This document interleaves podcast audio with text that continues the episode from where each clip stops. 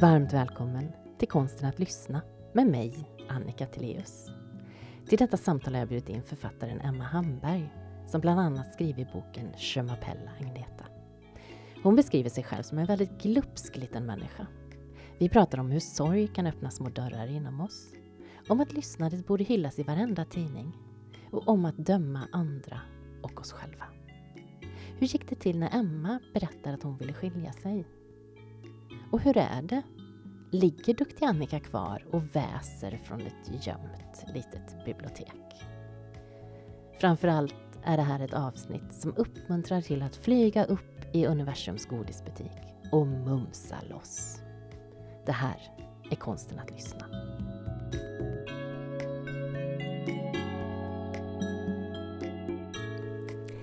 Innan vi börjar så har jag en ritual. Jag har en poddbön och den går så här. Jag bjuder in den klokaste delen av mig till detta möte. Låt mig vara öppen, äkta och närvarande. Låt samtalet vara varmt, utforskande och fullt av tillit. Låt oss ta fram det bästa i varandra och välkomna det som sker. Låt detta samtal bli ett fint minne som vi skapar tillsammans, här och nu. Vad fint. Tack. Jag är redo. Vad bra. Vad händer i dig?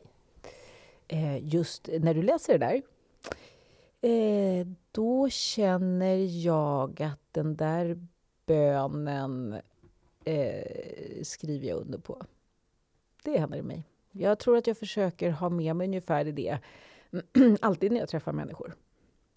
Att vara öppen och inlyssnande och försöka att läsa av den personen på det vänligaste sättet. De flesta människor menar faktiskt väl, även om de kan eh, verka som de menar någonting helt annat. Men, eh, men de flesta brukar faktiskt vilja nå fram på ett eller annat sätt. Mm. Jag håller med om det. Varmt välkommen hit, Emma Hamberg. Tack! Det är jättekul att ha dig här. Och det är underbart att vara här. Jag har fått jordgubbar och godis och vatten och teerbjudanden och din kärlekshistoria. Så jag är liksom redan nöjd. Ja, men vad skönt! Då, kan, då behöver jag inte ha så stor prestationsångest nu. Åh gud nej, du har redan världens nöjdaste människa framför dig. Så det här kommer gå så bra. Blommor har jag framför mig också, herregud. Ja, men jag, jag, jag har följt dig länge, sådär på avstånd, med stor beundran. Och också den här eh, som jag tolkade extrema aptiten på livet med eh, jag har fått för mig att du är jättebra på att lyssna på din livslust. Ja, men det är jag nog. Ja, och med det temat så tänker jag att vi närmar oss lyssnandet idag. Och därför var jag också tvungen att pimpa studion lite, för jag har gått in i ett så här, men vad är livslust för mig? Mm. Varför har du gjort det? Vad är det något speciellt? Har det hänt något som Nej, gör att jag du... tänker det här mötet idag. Ah, det är det, jag förstår. Som eh, fick mig att börja fundera. Så tänkte jag, men då vill jag ha blommor här, jordgubbar, favoritgodiset. Så att eh, det var lite livslust för mig. Ja, alltså du, gjorde, du bäddade jättebra. Jag har redan glufsat i mig halva skålen med jordgubbar och även glufsat i mig ja, din kärlekshistoria då. Eh, så att ja, det var bra. Du jobbade bra. Ja, härligt. Vad är livslust för dig? Eh, livslust är ju ett sånt där ord eh, som är använt så mycket och det har skrivits på affischer som människor har på sina väggar. Så för mig är det nästan ett ord som har ibland tappat... Jag kan glömma bort vad det betyder för att jag har hört det så mycket. Eh, det är lite som livsglädje också, att det är nästan det är väldigt det är slitna ord. Men de är ju slitna för att vi behöver dem. Och livslust för mig är att mata sig själv med det som man mår bra utav. Och försöka att, eh, att inte snegla på det som får en att må dåligt och som man inte behöver. Jag, igår så hade jag en picknick med en kompis eh, som tycker det är väldigt jobbigt att hon närmar sig 60. Och det har att göra med döden förstås och sen så har det också att göra med att eh, att hon tycker det är jobbigt att bli äldre. Och då pratade vi om just det där med vem man, vem man jämför sig med. Eh, och att jämföra sig i något helt annat än att låta sig inspireras.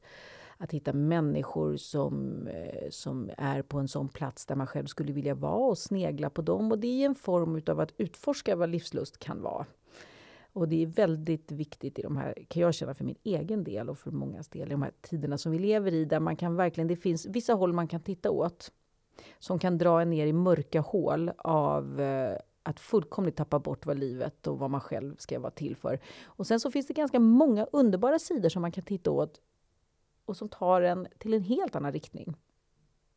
Så man får väl vara lite fiffig med sin livslust och se till sig att man matas med saker som är bra för en. Det skulle jag nog säga. Mm. Har det alltid sett ut så för dig?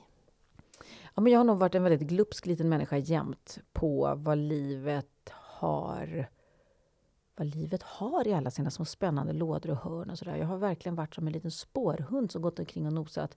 Och precis som alla spårhundar så kan man ju vimsa bort sig totalt och komma till väldigt konstiga platser. Men jag har, en, men jag har faktiskt en bra inre kompass på eh, på vad, jag, vad som får mig att må bra och vad jag tycker är roligt. Jag är, väl, jag är en ganska lekfull typ, så att jag dras ju till det för att jag mår bra utav det.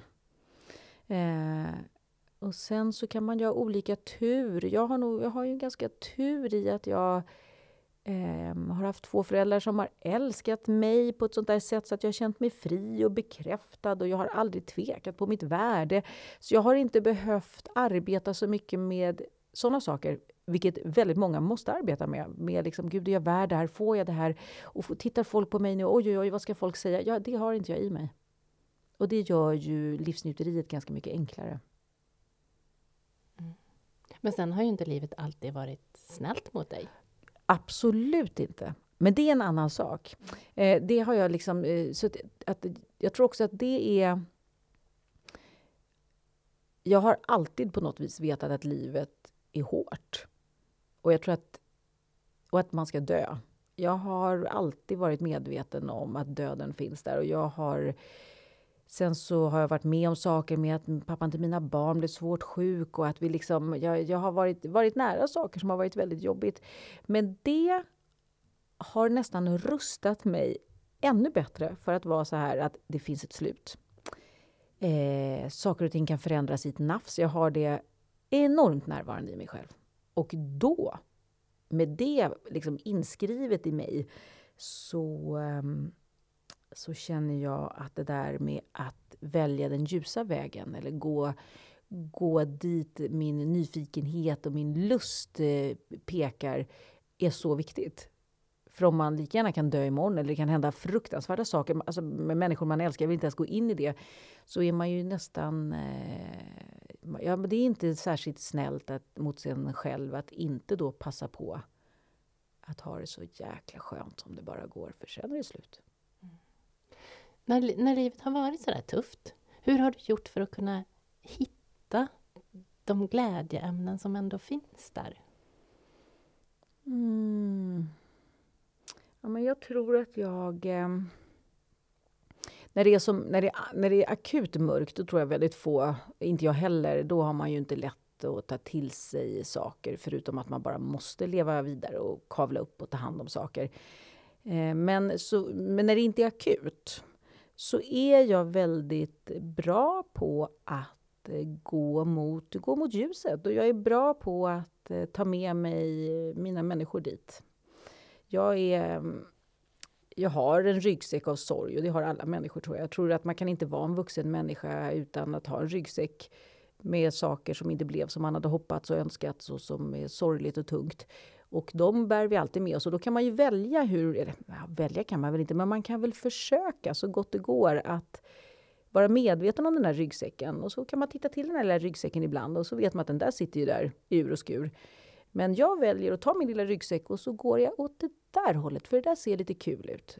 Och jag tror också att vi lätt kan få för oss att vi måste vårda och vörda våra sorger och besvikelser och fokusera på dem. Och att det är som att om vi inte gör det så är det som att vi är, är eh, som att vi inte visar vördnad mot det fruktansvärda vi har varit med om. Men jag, jag, för mig är det helt fel taktik. Jag har alltid med mig det där. Jag kommer aldrig glömma det. Det kommer alltid vara en del av mig.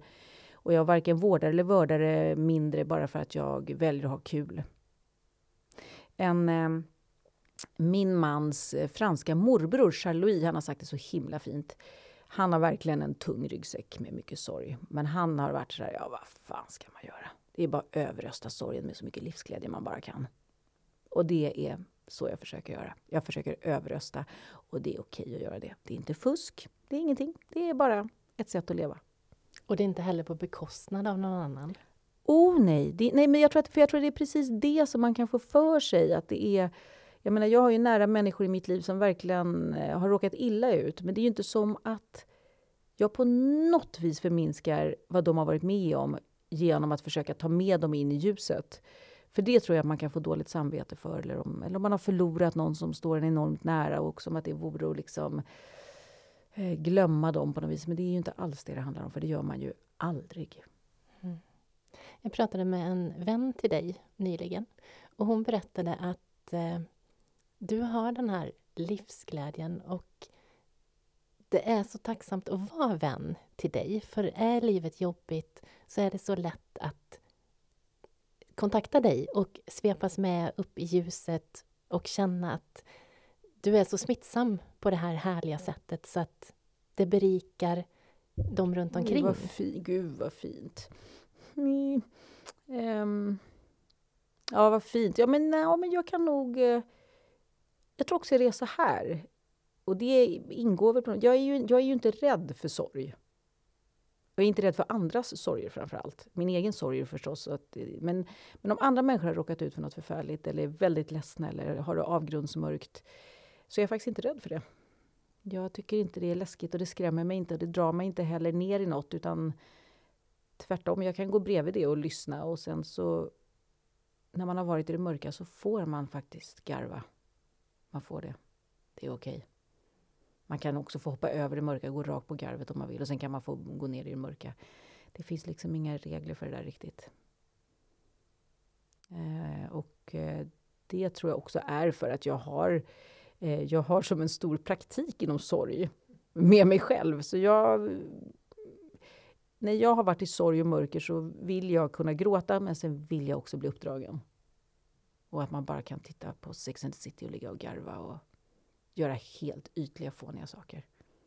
Som också är en del av livet. Mm. Men jag tror att det är så viktigt också kanske att sorgen och glädjen ligger kanske så nära varann. Mm.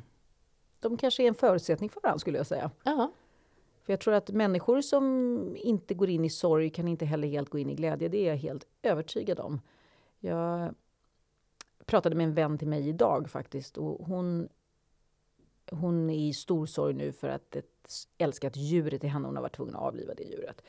Och det har varit liksom en, ja men det är ju som en familjemedlem, det vet ju alla. Och så sa hon det att det är så intressant under den här veckan nu som hon har gått i sorg. Så har det hänt så otroligt mycket spännande saker. Hon har varit så himla ledsen. Men hon har haft någon öppenhet i den här ledsamheten. Så det är ju någonting med när ledsamhet och sorg drabbar en, att om det inte är för, för fruktansvärt tungt förstås, men om vi liksom pratar om hanterbara sorger ändå. Eh, att, att det öppnas ju små dörrar igen. Det är, man kan säga, ja, men det är som att det är... Sorgen är ju som en dörr som öppnas in till en. Och om man ställer en dörr på vid gavel, även om det är sorgens dörr, så är alltså dörren är lik förbannat öppen. Och det kan slinka in både det ena och det andra när de där är öppna.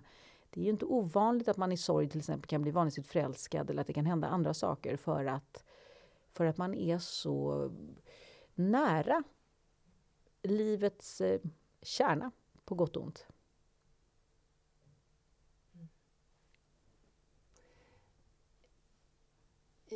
Jag blir ju naturligtvis nyfiken på hur lyssnandet och livslusten hänger ihop. Alltså, jag kan ju säga så här, jag jag är så glad att du har en podd som handlar om lyssnandet. För för mig är det som, jag tycker det är så konstigt att man inte hyllar lyssnandet i varenda tidning, i varenda bok, att man inte har det som löpsedlar. För mig är lyssnandet så otroligt mycket. Delvis eh, så är lyssnandet en ren en nyfikenhet. Att, jag, att, lära, att, att, att det här med att lyssna, att man kan lära känna människor. Man kan få reda på fantastiska saker om man bara har tålamod och lyssna eller, och, och fråga och är nyfiken. Och mina böcker som jag skriver handlar ju enormt mycket om att jag har lyssnat på riktiga människor. Det bygger ju på riktiga karaktärer alltihop. Som jag har frågat och varit nyfiken på och de har berättat och jag har lyssnat. Och, och även det här med att vara i sorg eller vara ledsen så finns det inget bättre än att lyssna på någon annan som kanske berättar om något tungt som den har varit med om eller som berättar om något roligt som den har varit med om och som tar i vägen på någon annan liten tur. Jag, eh, jag skulle kunna lyssna hur mycket som helst. För mig är lyssnandet nyckeln till de flesta av mina lås faktiskt. Så är det. Och eh, jag kan tycka synd om människor som inte har lärt sig vad lyssnandet kan ge och som kanske har ett jättebehov bara av att prata och berätta och, och, och aldrig kan liksom backa och vara så här, men vänta lite nu, den här människan som sitter mitt emot mig, vem är den? Att det, det är... Ja, lyssnandet är ju magiskt. Ja, kanske vägen till livslust. Till och med. Oh ja! Framför allt så är det ju någonting med att överhuvudtaget att när man ska försöka sortera sitt liv eller försöka förstå vem man är som en människa så finns ju inget bättre än att försöka förstå hur andra är människor. Hur är det att vara människa? Hur är det att leva i en relation? Hur, är det att ha, och, hur, hur har andra sex? Hur funkar det? Hur, hur har de det på jobbet? Vad gör de på oh, Gud, hur är de som föräldrar? Berätta, vad gör du när dina ungar håller på? Allt det där lyssnandet, det är ju som en terapi och som en guide i att, eh, i att hitta hur man ska leva sitt liv. För i när man förstår hur andra människor är så kan man ju positionera sig själv utifrån dem på något vis. Och för mig handlar lyssnandet också väldigt mycket om att jag vet eh, eftersom jag skriver böcker och liksom på något vis har både lyssnandet och skrivandet som mitt yrke så vet jag också att varenda människa man möter den kan se nog så grå och trist ut. Om jag frågar den personen frågor som jag på riktigt är nyfiken på och tar mig tid att lyssna så vet jag att den kommer berätta saker som jag aldrig skulle kunna lista ut. Det är som att varje människa är ett sånt spännande litet paket. Och vissa har, eh, oj, de har riktigt tajta omslag, men man får tålamod. Och sen så kan de som sprakar mest behöver verkligen inte ha de största historierna. Det kan vara den där lilla gråa i hörnet som sitter och ruvar på en helt otrolig livshistoria. Har du några tips på en sån där bra fråga att ställa för att öppna lite på det här skalet? Ja, det beror ju på. Alltså, men jag... Eh, jag kan tycka det är kul liksom, om, om man ska... Det är kul att krafsa tycker jag. Jag tycker alltid det är bra att krafsa i, i vardagen. Att, man liksom, att börja med något vardagligt. Att det kan vara... Um, jag tycker alltid det är väldigt spännande till exempel vad människor äter för frukost. Och om en människa berättar för mig vad den äter för frukost så kan jag ställa följdfrågor på det och plötsligt så är man hemma i den personens kök och plötsligt så kan man vandra vidare till den personens barndom. För är den uppvuxen med det här, den här typen av frukost eller är det en motståndshandling för någon frukost som man hade när man var liten? Och eh, det är en sån där eh, sak som man kan börja med. Eller så kan man börja med, jag kan tycka det är skönt också, som när vi träffades nu så kan jag tycka det är skönt att bara fråga mig själv, var är du nu? Var är du idag? Har du liksom, uh, är man lite irriterad? Är man lite, var, var är man och varför då? Och sen kan den ju ta, den frågan kan ju också leda var som helst. Jag tror ju egentligen att man kan fråga vad som helst. Det handlar ju bara om att man ska lyssna och ställa följdfrågor. Det är ju egentligen bara det det handlar om. Och vara genuint nyfiken. Och vara genuint nyfiken. Ja, men det är det det handlar om. Att att vara nyfiken. För att om man känner att någon inte är nyfiken på riktigt, då får man inte heller någon lust att berätta. För man vill inte berätta för någon som inte riktigt vill veta. Det är ju inget kul. Um. Då kan jag berätta att jag brukar prata om lyssnarvän. Mm. Där V står för välvillig, Ä står för äkta och N står för närvarande. Och kan man vara en lyssnarvän med välvilja, äkthet och närvaro så har man kommit otroligt långt. Vart har du hittat de här? Har du hittat dem själv eller har du läst någonting någonstans? Eller hur, hur har du hittat ditt intresse för lyssnande? Mm. Ja, men jag har nog eh, alltid varit nyfiken och lyssnande. Jag väntar gärna in ett sällskap. Om jag tar plats i en ny grupp så vill jag se vem, vem är det som eh, brinner ivrigast för att ta ordet? Vem eh, går igång på så stor plats? Um, och nyfiken på hur, hur relaterar folk till varann? Vem gör vad? Och kanske att jag lämnar lite för stor plats ibland. Hur menar du då? Ja, men att, att låta andra ta ordet. Att det finns också någonting gott av att komma in med en kraft och mm. Hej! Jag har förslag, vi gör så här. Mm. Det behöver inte vara att jag, den personen tar syre från alla andra utan det kan ju också tillföra väldigt, väldigt mycket att någon kommer in i den rollen. Men mina... Tittar jag bakåt i vad jag sysslat med så har lyssnandet varit en stor del. Och när jag, jag hade en lång karriär på H&M där jag jobbade med kundinsikter och var runt i världen och lyssnade på folk och var hemma hos folk och tittade i hem i Peking med en kamera hade jag med mig och eh, hur, tittade på hur folk bäddade sängen och hur det såg ut i deras eh, kök. Vad hade de för porslin? Eh, hur såg det ut i badrummet? Vad, vad, har man för handdukar i badrummet? Gud, det där är en dröm. Det är en dröm! Ja. Helt fantastiskt roligt. Och då, då märkte jag ju att ju bättre jag lyssnar, ju mer ärligt jag ställer en fråga i och att det inte behöver finnas någon prestige i att och jag vet hur det funkar. Utan att jag kan komma in och ställa en dum fråga. Jaha, mm, har du alltid samma tallrik? Ja. Och det, det visar sig att det inte alls är en dum fråga. För i Kina så är det ofta så att var och en har olika, eller inte tallrikar, utan skålar. Man har sin egen skål. Men det är det där att man tror ju hela tiden att ens eget sätt är någon sorts norm. Och när du då har varit runt över hela världen och verkligen forskat i hur människor lever och man inser att ja, vi kan ju sitta här och vara så himla viktiga med hur vi gör. Men det skiter de i 200 mil åt det hållet, för då håller de på med någonting helt annat. Det där är ju också en, en ögonöppnare och en eh, Ja. ja, och det är så spännande att, att jag själv gör bilder och blir så medveten om mina svenska referensramar och glasögon. Mm. Och som, okej, okay, kan jag vara själv nyfiken på vad händer när jag tar av dem? Och att jag har jobbat också mycket med fokusgrupper där man bjuder in folk eller kunder och sitter och leder ett samtal och är nyfiken på hur folk gör. Mm. Problemet är ju att folk säger saker som inte riktigt stämmer eller som kanske sätter igång tankar i huvudet på mig som gör att den tanken som händer i mig stämmer inte med det den personen försöker säga. Mm. Vi var hemma hos en kvinna i Los Angeles och hon berättade att hon var minimalist och var väldigt inredningsintresserad. Hade vi suttit i en fokusgrupp så hade jag sett någon form av eh, skandinavisk, eh, rent och fräscht eh, style hemma hos henne. Men nu var jag hemma hos henne och tittar på hennes kylskåp där det sitter, alltså jag överdriver inte, men säkert 200 kylskåpsmagneter.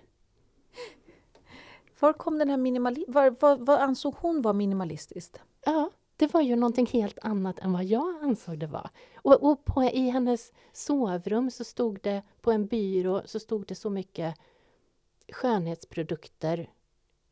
Alltså, nu är jag ingen stor konsument, men jag har inte använt det så mycket i hela mitt liv, det som stod på hennes byrå. Jag älskar det, men hon tyckte hon var en minimalist. Ja. I hennes värld var hon det. Ja, ja, och vem är jag att tala om att hon inte är det? Ja. Men min bild var ju någonting helt annat. Och, och det där att ha med sig det när man går in i ett samtal med någon. Mm. Att jag får en helt annan bild. Mm. Det där väckte, väckte nog också när jag tittade att ja, men jag ser att ju bättre jag har lyssnat, ju mer närvarande jag har varit och när jag har försökt mm, dels leka med frågor. Vilka frågor funkar? Vilka mm. frågor funkar inte? Vilka funkar inte är jag lite nyfiken på då? I sådana här sammanhang, som blir en bromskloss istället för en dörröppnare? Ja, men när jag bakar in någon form av bedömning redan i frågan. Mm. Um, om jag skulle ha en fokusgrupp där jag vill veta hur folk anser att in, um, Om jag skulle tala om hur så här brukar man göra, vilka gör så? Mm. Då är det ju ingen som säger någonting annat, om det inte är någon som är väldigt rebellisk och vill vara annorlunda. Ja. Utan att jag tror man kan göra på väldigt många olika sätt. Vilka sätt gör ni på? Mm. Då välkomnas en helt annan. Och också i det läget att faktiskt låta folk ta lite tid för sig själva och kanske skriva till en med en liten lapp mm. på det här vill jag säga i den här frågan. För annars är det också lätt att dras med av vad sa de före mig? Ja, jag håller med. Jag håller med. Ja, men vad står det på din lapp om du läser vad det står på din lapp? Ja, det kan vara jättesvårt att stå upp för sig själv när några andra har tyckt eh, helt andra saker. Ja, den där är knepig. Ja. Mm. Och att skapa ett rum där det faktiskt är tillåtet och mm. där det också ses som ett värde att tycka olika. Mm. Eller att tycka så, inte, inte olika för sakens skull, utan att få säga det som är viktigt för mig.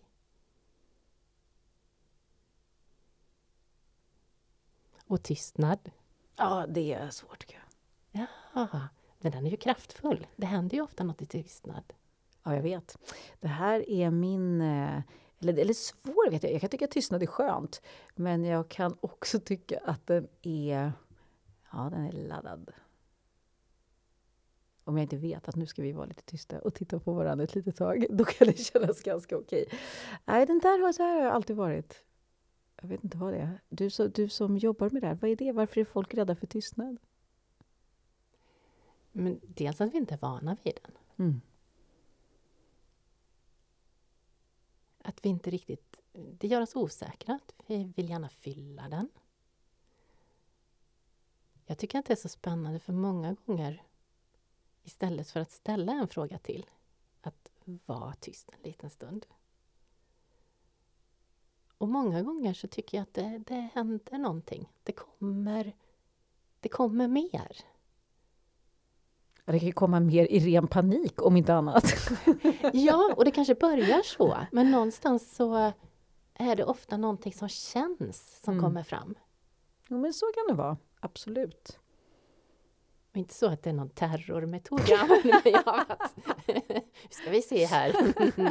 Nej, och jag tänker också så här, det, nu, det är du som är, du är ju guiden här, så jag hänger bara på. För att, fast min, eh, min naturliga utryckning, mitt utryckningsfordon är ju annars bara vara så här, att ställa tusen frågor tillbaka. Och det är för att jag är nyfiken, men också för att jag är så här, äh, okej, okay, vi kör på här nu liksom. Men jag låter dig vara guide, så att om du eh, du får så gärna ställa frågor. Det är jättekul om det blir mer eh, samtal. Så ja, men okej. Okay, jag, jag, får du jättegärna okay. skjut på. Ja, då får jag skjuta på. Ja, men vad fint. För jag vet, eftersom jag då inte har lyssnat på den här podden så vet jag inte heller eh, hur funkar den? Är den ett samtal? Är den ett hur vi... Eh, jag tar en jordgubbe så länge. De ligger här och läskas så otroligt gott. Mm. Mm. Men hur använder du hur skulle du säga att du använder ditt lyssnande mest? För att mötas. I vilka situationer är du, är du en... Eh, när är du som nyfiknast som lyssnare? Äkta nyfiken? Eh, när jag träffar en ny, ny människa mm då blir jag väldigt nyfiken. Nu har jag ju förmånen att få plocka ut de mm. som jag är extra nyfiken på att bjuda hit och, och ha samtal på. Det gör någonting med mig. Mm. Det är väldigt, väldigt, väldigt eh, nära min livslust. Mm. Eh, jag kan också... Jag vet att jag haft många samtal på tunnelbanan. Mm. Kanske sitter med någon ytlig bekant. Vi åker tåg eller tunnelbana en stund en kväll. Och sen vet jag väldigt, väldigt mycket om den personen. Mm. Det där är så... Jag, hade, och jag tror också att det där kan vara... Jag hade varit och hållit ett föredrag här i våras eh, på ett bibliotek. Och så skulle jag och en av bibliotekarierna sen åka gemensamt tillbaka in till stan där vi var. Och så känner jag att vi båda två egentligen kanske skulle vilja åkt ensamma. Att man har den här känslan att ah, okej, okay, ja, men nu kör vi de här 20 minuterna, men att båda två är lite trötta efter kvällen. Och så frågar jag henne lite, vart bor du då? Liksom, bor, du, bor du in i stan eller bor du utanför? Och det är den första frågan. Sen slutar det med att hon berättar att hon nog inte vill leva med sin man längre. Det är efter 20 minuter. Så mycket kan hända på 20 minuter. Och jag tror att vi båda två, precis som jag kände att vi båda två tyckte det var lite jobbigt när vi satte oss där, att det var sådär, det var bara vi, vi känner inte varandra alls. Och efter de där 20 minuterna så var det verkligen att vi båda två kände att nu skulle vi kunna ha åkt i 10 timmar till. Men sen har vi förstås inte varken hörts eller sett, så jag har ingen aning om hur det kommer gå med deras relation, men det var som ett djupdyk in i en annan människa. Och de där djupdyken tycker jag är otroligt roliga. Och de kanske också bara kommer just för att man vet att vi kommer aldrig ses mer. Det är bara nu. Och det kanske bara är 20 minuter på en tunnelbana eller så är det liksom, ja. Hade hon berättat det för någon annan innan? Eller blev hon till och med klar över det själv under samtalet? Jag tror att det som hände var att jag frågade frågan rakt ut till slut. För att hon pratade så mycket runt omkring att det var liksom deras olikheter och det var olika saker. Så var jag så här, men det kanske handlar om att, du är, att det inte är honom du vill leva med, kan det vara så? Och det där har hon nog tänkt tusen gånger för sig själv, men kanske aldrig sagt högt. Jag tror att det är snarare är så. Och då kan det vara spännande att pröva att säga det högt för någon som inte dömer en och som inte känner någon och som inte känner ens barn. Eller som liksom, ja, så det var nog en sån situation. Men den var en typisk... Eh, eh, ja, där lyssnandet och nyfikenheten överraskar oss båda två. Mm. Hur gör du för att inte döma? Eh, jag är nog inte en särskilt dömande människa. Jag försöker att vara öppen. För också att, precis som när du berättar om att eh, i, om det var nu i Japan eller Kina, att där har alla sin egen tallrik och så har de det där. Och att, att på det viset så kan jag också vara så att alla människor är olika och vi har våra olika liksom, bakgrunder och var vi kommer ifrån och vad vi har. Och, nej, och jag tror också att för så fort man börjar döma människor, eh, då slutar de berätta. För det känns direkt om man är där och krafsar på deras livsval och, och sådär. Och så döma är ett sånt hårt ord. Vem är jag att döma? Jag kan säga så här, jag skulle kunna titta på mitt eget liv och döma mig själv väldigt hårt på flera punkter. Eh, och då är det ändå mina val och det jag har gjort. Men att döma någon annan utan att ha koll på allt, nej då ska man vara, jag vet inte vad man ska, hur styv i korken man ska vara för att kunna ta sig den rätten och göra en sån sak. Mm. Det tycker jag är, det är inte okej. Okay. Så länge inte människor är elaka på något vis utan bara fumlar och famlar fram i sitt liv så som man så som vi gör alla. Oj, vad vi famlar och fumlar och försöker förstå. Och jag är 52 år och människor runt omkring mig famlar och fumlar, inklusive jag, hela tiden. Och man gör väl antagligen det tills mannen stupar. Det finns ju inget facit som passar alla.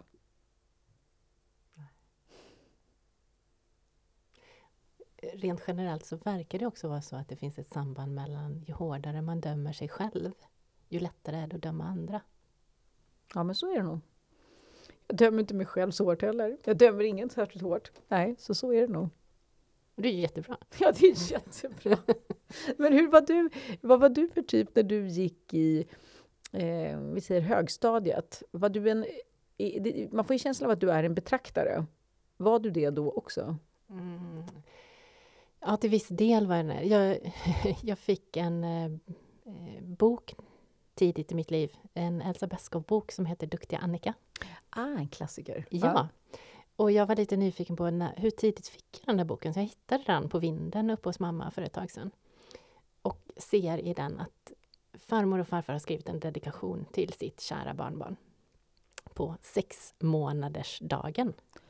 Oh, du var duktig Annika redan vid sex månader var du... Eh... Absolut. Och högstadiet kan vi säga att eh, jag var duktig Annika också. Okej. Mm. Har du... Jag menar, man kan ju vara duktig Annika och tycka att det är underbart att vara duktig Annika. Har du trivts med att vara duktig Annika? Ja, men det gjorde jag nog på den tiden. Eh, till jag... Ja, kanske 25, 26, 30, någonstans där kom in lite revolution. Hur kom den då? Ja, men då hade jag... Som duktiga Annika så hade jag en väldigt tydlig bild av hur man skulle leva. Mm.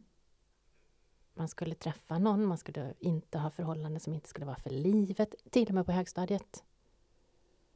Okej, oj det var hårda bandage alltså. Ja, ja, ja. Det, var, mm. det var präktigt hos duktiga Annika. Mm. Och lite begränsande kan man också säga. Oh ja. ja. Um, så när jag var 20, ja, närmare mig 30 så hade jag gift mig, köpt hus och eh, lite grann som det där när jag kände att nu är det dags att lämna H&M nu är det dags för nästa steg, så hamnade jag också i en situation där, där det blev ett avgörande att jaha, men är det här jag? Mm. Eller vart tog jag vägen? Jag hade en bild av eh, att det var... Jag, jag hade gjort... Jag hade liksom tickat i alla de här boxarna. Skaffat mig en utbildning, träffat en kille på gymnasiet, jätteschysst kille, verkligen. Så det var inte, inte hans fel på något sätt, men, men i, i mig själv. Och sen hade vi köpt huset, vi hade gift oss, gjort allting i rätt ordning. Och så plötsligt så kändes det som, ja men det här är ju som en bok och så står det, och så levde de lyckliga alla sina dagar. The end. Det är som en bok som heter Duktiga Annika. Ja. Och då kände jag, men är det slut nu? För vi, vi hade köpt det här huset. Vi hade inga barn. Vi pratade om hur vi skulle göra i huset när barnen var små. Och sen började vi prata om, när vi var 30, eller knappt 30, vi har inte fyllda 30, vad vi skulle göra med rummen när barnen flyttade hemifrån. Ja, det är, det är vad jag kallar planering. Och lite begränsande. Ja, ja. det skulle man nog kunna säga. Var, hur kommer... Gud, det där är ju så intressant. Det där är så... Hur... När, ja, men det är ändå jätteintressant. Så när ni sitter där då, inte ens 30, och ni har gjort allt rätt enligt boken, enligt din enligt bok, bok hur, den, hur saker och ting ska göras. Eh, och ni har inte fått några barn än. Men ni pratar om vad ni ska göra med rummen när barnen har flyttat ut. Kunde ni skratta åt det då? För det är ju som, ett, det är ju som en sketch. Ja, nej. Jag såg inte, såg inte Vad skulle det. ni göra med rummen undrar jag ju nyfiket. Vad skulle ni göra med rummen efteråt? Kommer du ihåg vad ni nej, sa? Nej, jag kommer inte riktigt ihåg den biten. Men jag undrar, vad, vad skulle det bli då? Ett poddrum kunde du inte sagt, för det fanns inte ens på den tiden. Så vad skulle du ha gjort med barnens rum? Ja, det, men det där är ju så apropå att vi är så olika. Och därför kan vi verkligen inte döma varandra för vad. Hur ska man kunna göra det? Nej, och det hade varit så lätt att sitta kvar där. Jag hade kunnat vara kvar. Ja. Och vad hade hänt med mig då? Jag hade fortsatt att leva i den här lilla snäva mallen jag hade. Mm. Där jag hade tappat bort mig själv. Och istället så var jag så här, nej men vänta lite, jag måste, jag måste ta reda på, och min tanke var ärligt, jag måste ta reda på om jag är så här tråkig ända in. Oh! Det där är en bra titel på vilken bok som helst. Jag måste ta reda på om jag är så här tråkig hela vägen in. Hur ger man sig ut på jakten efter sitt otråkiga jag? Mm. Vad gjorde du? Först flyttade jag till en liten, liten etta med en kokvrå. Och jag hade aldrig bott själv. Och där började jag resan på att möta mig själv. Mm. Förbi den här snäva mallen jag hade. Och jag hade ju... Exempelvis så hade jag sytt och stickat och sånt tidigt. Men det trodde jag var för att jag spara, ville spara pengar. Så det var en del av präktigheten. Men så upptäckte jag att jag saknar ju det här, för det är ju en del av ett skapande som jag vill ha mer av. Mm. Så att he, hela det här... Nej men jag, och jag trodde inte att jag skulle träffa nya vänner. Det trodde jag att man gjorde när man gick i skolan. Och sen, sen hade man sin lilla vänkrets som var klar. Som man åkte på skidsemestrar med och firade midsommar med. Och Ja. Allt var klart. Är dina föräldrar väldigt, väldigt eh, fyrkantiga på det här viset? Eller hade du hittat på den här fyrkantigheten själv?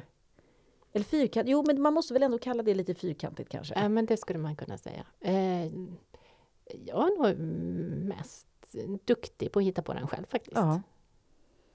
Just att den är... Men, men dömde du andra då som inte riktigt... eh, Ja, herregud. Ja. Absolut. Ja, men tänk de som fick barn utan att vara gifta.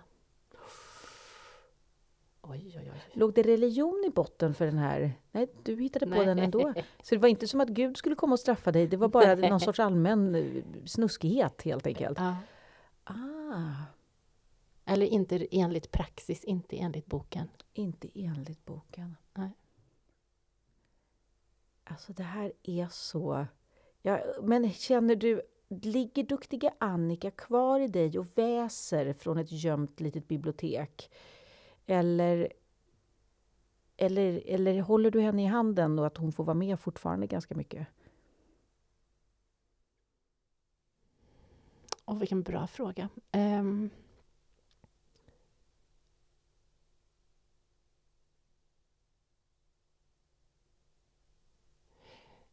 Jag tror att jag blev mer lilla Annika.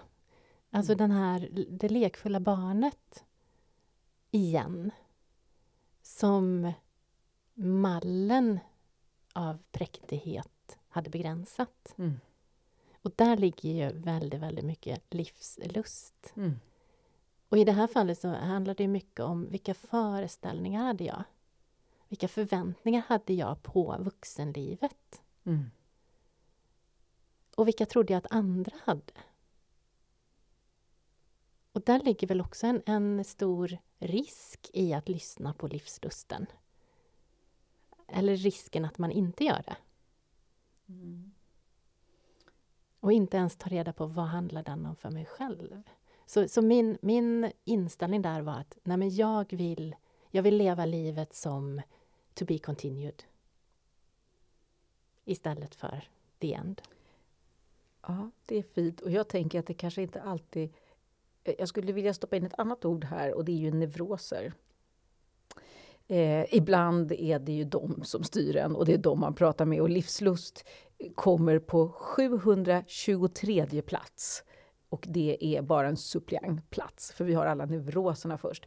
Och när, när du berättar om det här, ditt, ditt behov av att, ha, att det ska ske enligt vissa ordningar så, här, så, så är det för mig, i min fantasi, när du berättar om det här så tänker jag så här, gud, oj, det här måste vara en människa som försöker hålla ordning på sina hålla ordning på sin oro på något vis. Liksom, att det måste, det måste vara så. Eller, annars så förstår jag inte varför man måste vara så hård mot sig själv. Och sen så kan man ju välja att leva precis hur man vill och leva med sin gymnasiekärlek i sitt hus och liksom om det bara är av glädje. Men om det är för att man ska göra det på ett visst sätt. Och det här tycker jag är intressant nu för jag håller på med en jag håller på med att bygga upp en ny karaktär just nu. Så just nu håller jag på och forskar eh, helt för mig själv i, eh, i människor som försöker kontrollera sin vardag. Eh, och dömer andra som lever lite utanför det. Och, det- Eh, för det är intressant eftersom det oftast ju... Det, jo, det är det som... Oj, förlåt, nu börjar jag, blir jag vifta, vifta sönder innan. Det jag har nämligen funderat på då när jag haft den här karaktären som av olika anledningar försöker hålla ihop sitt liv genom olika liksom, eh, tvinga sig själv att leva inom ganska snäva ramar. Så jag har fantiserat om vad kan få en sån person att släppa sargen? Vad kan få en person som lever i så mycket kontroll att släppa kontrollen? Och knuffar den i en helt ny riktning. Och då undrar jag, för dig, att ta det klivet, att lämna din kärlek och det här huset och alla de här rummen som era barn skulle flytta ut ifrån som inte ens var födda.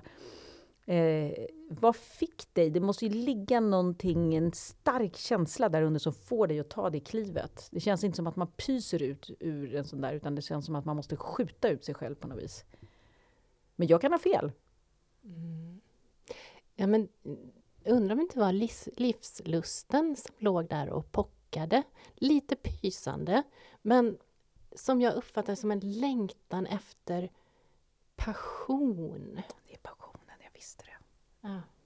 Och där, där min bild av passion var nästan så en marskatt som liksom släpar underlivet i marken och bara letar Obehaglig. efter sin partner och bara... Utanför all kontroll. Utanför all kontroll. Och där jag inte riktigt kände den. Och så tog det... Och jag satt ju där med de här två ytterlägena, där kontrollerade jag. Och den här marskatten som jag lite ville åt. Mm. Och jag kunde inte... dömde du marskatten också? Ja, ja, ja, ja. Och jag kunde inte hoppa från den ena till den andra. Men, men det tog rätt lång tid att inse, men vänta, jag har ju ett analytiskt, betraktande, lyssnande förhållningssätt. Det är ju jag mm. också. Men min passion, den kanske inte är så högljudd. Den kanske finns i någonting annat. Och det tog lång tid att hitta det här. Mm. För ofta så pratar vi typiskt sett om den här passionen som bara... Ehm, och det nästan blir skamligt. Men hur, hur hamnar vi i en lågmäld passion? Kan man vara lyssnande och passionerad? Absolut. Man kan ju vara nästan... Man kan också... Absolut, det är det som är spännande med att... Eh, men, men det är vad som... Ehm, eh, eh, framför allt kanske man också ska lyssna på sig själv. Att det är väl det det handlar om. Och eh, att vi har... Man, kan, man ska lyssna på andra, men det är det här med att eh, lyssna på det inom en som säger det man inte orkar höra. För att om jag lyssnar på den där rösten som säger de där sakerna så måste jag ändra så mycket med mitt liv och jag orkar inte det för jag har det här huset, jag har den här mannen och vi har de här rummen. Och om jag ska släppa och öppna dörren till den här lilla rösten så kommer det bli så jobbigt allting. Och då kanske det är som att det blir som en osynlig gas mer som bara sipprar ut och eh, eftersom man inte lyssnar.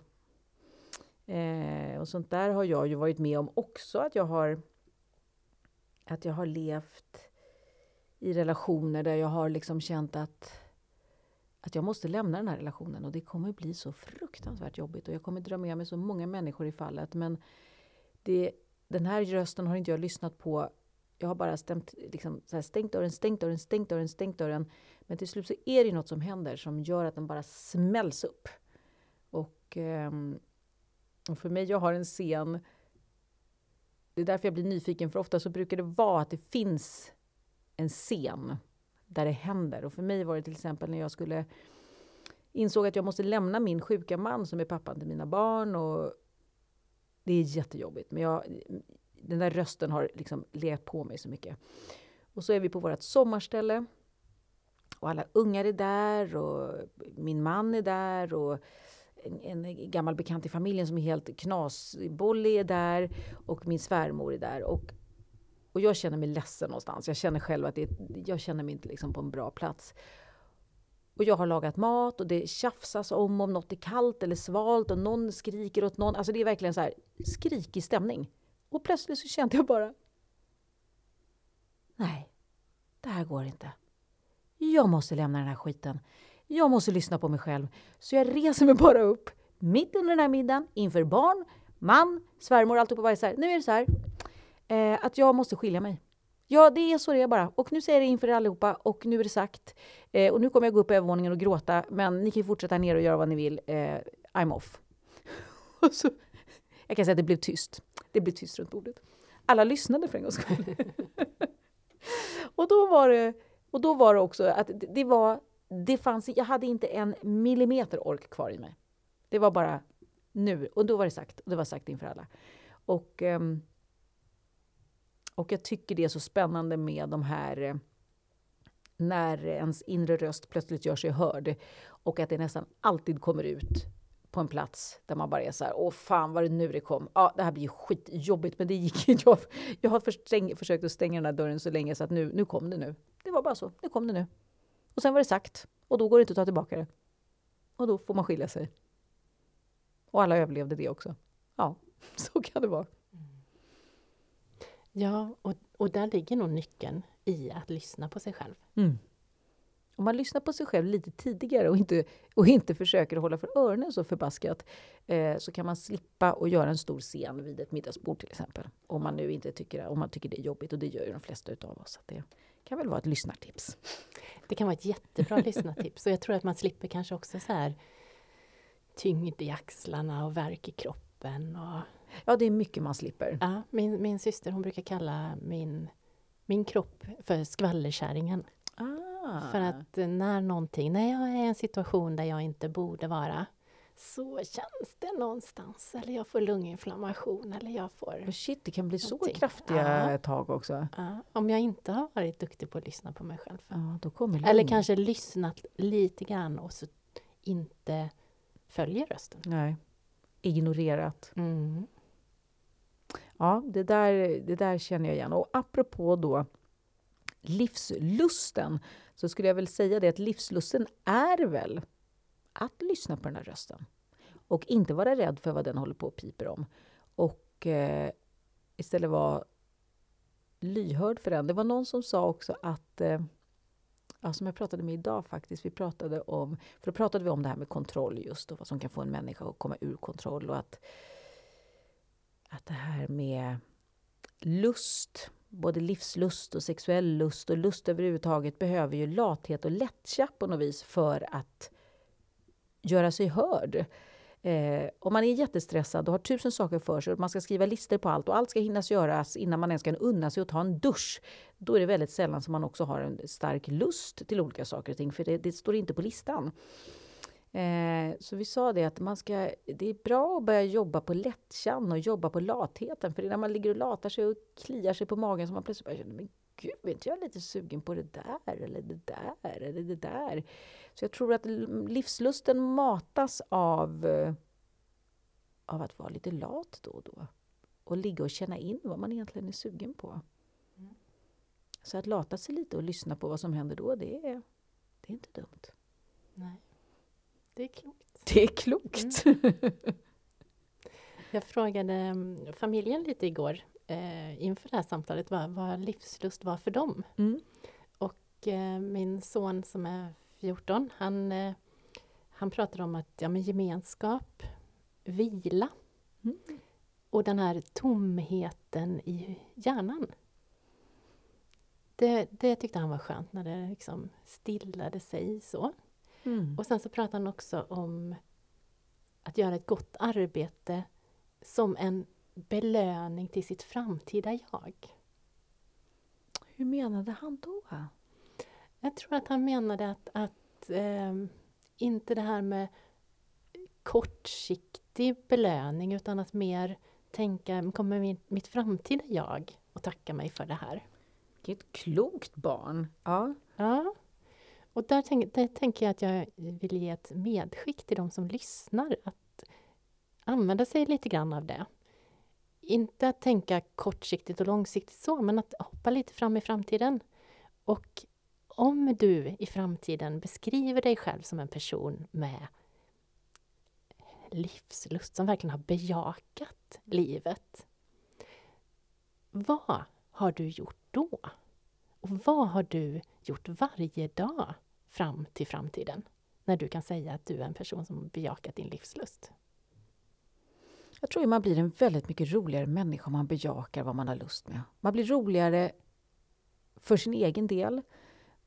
Och då blir man också roligare för andra. Och då blir det en sån otroligt bra kvarn som bara liksom maler runt i något härligt, liksom öppet sinnat eh, eh, som en öppetsinnad liten kvarn som maler ner något härligt litet livsmjöl som man kan baka kakor av. Att det verkligen är...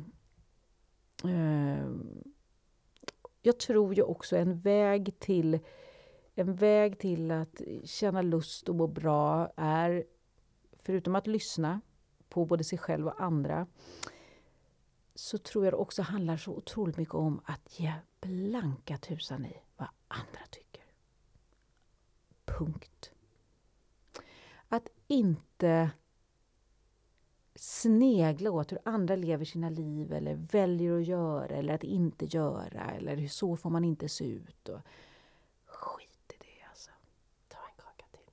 Ta en kaka till alltså. Flyg upp i universums godisbutik och mumsa loss. Med båda händerna. Ja, fötterna också. Alltså det var härligt. Bara öppna munnen som en val och bara låta allting bara sila in. Tycker jag är en fantastisk avslutning med den uppmuntran, eller uppmaningen. På Ja, det det är här en avsnittet. uppmaning. Det är en direkt uppmaning. Ja. Och den står vi bakom båda två. Oh, ja, absolut. Ja. Starkt! ja. Stort tack för att du kom hit, Emma. Själv. Tack så mycket.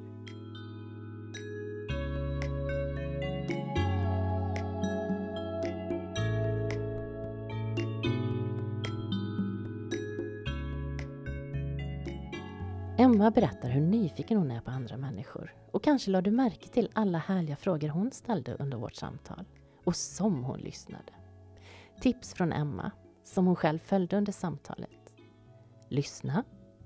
Ställ följdfrågor och var genuint nyfiken. Tänk på att varje människa är ett spännande paket. Även om vissa har riktigt tajta omslag. Att lyssna hjälper oss att lära känna en annan människa. Och oss själva. Lyssna gärna på avsnitt 10 med Jenny Fagerlund som också skriver Feel Good. Vi livepoddade på Stockholms bokhelg och vårt samtal handlar om skrivande och lyssnande. Har du feedback på avsnittet? Så kan du mejla till feedback konstenattlyssna.se Dit kan du också skriva om du vill boka mig som föreläsare, kursledare eller för att leda utvecklingsprocesser. Du har väl inte missat att Konsten att lyssna även finns som bok?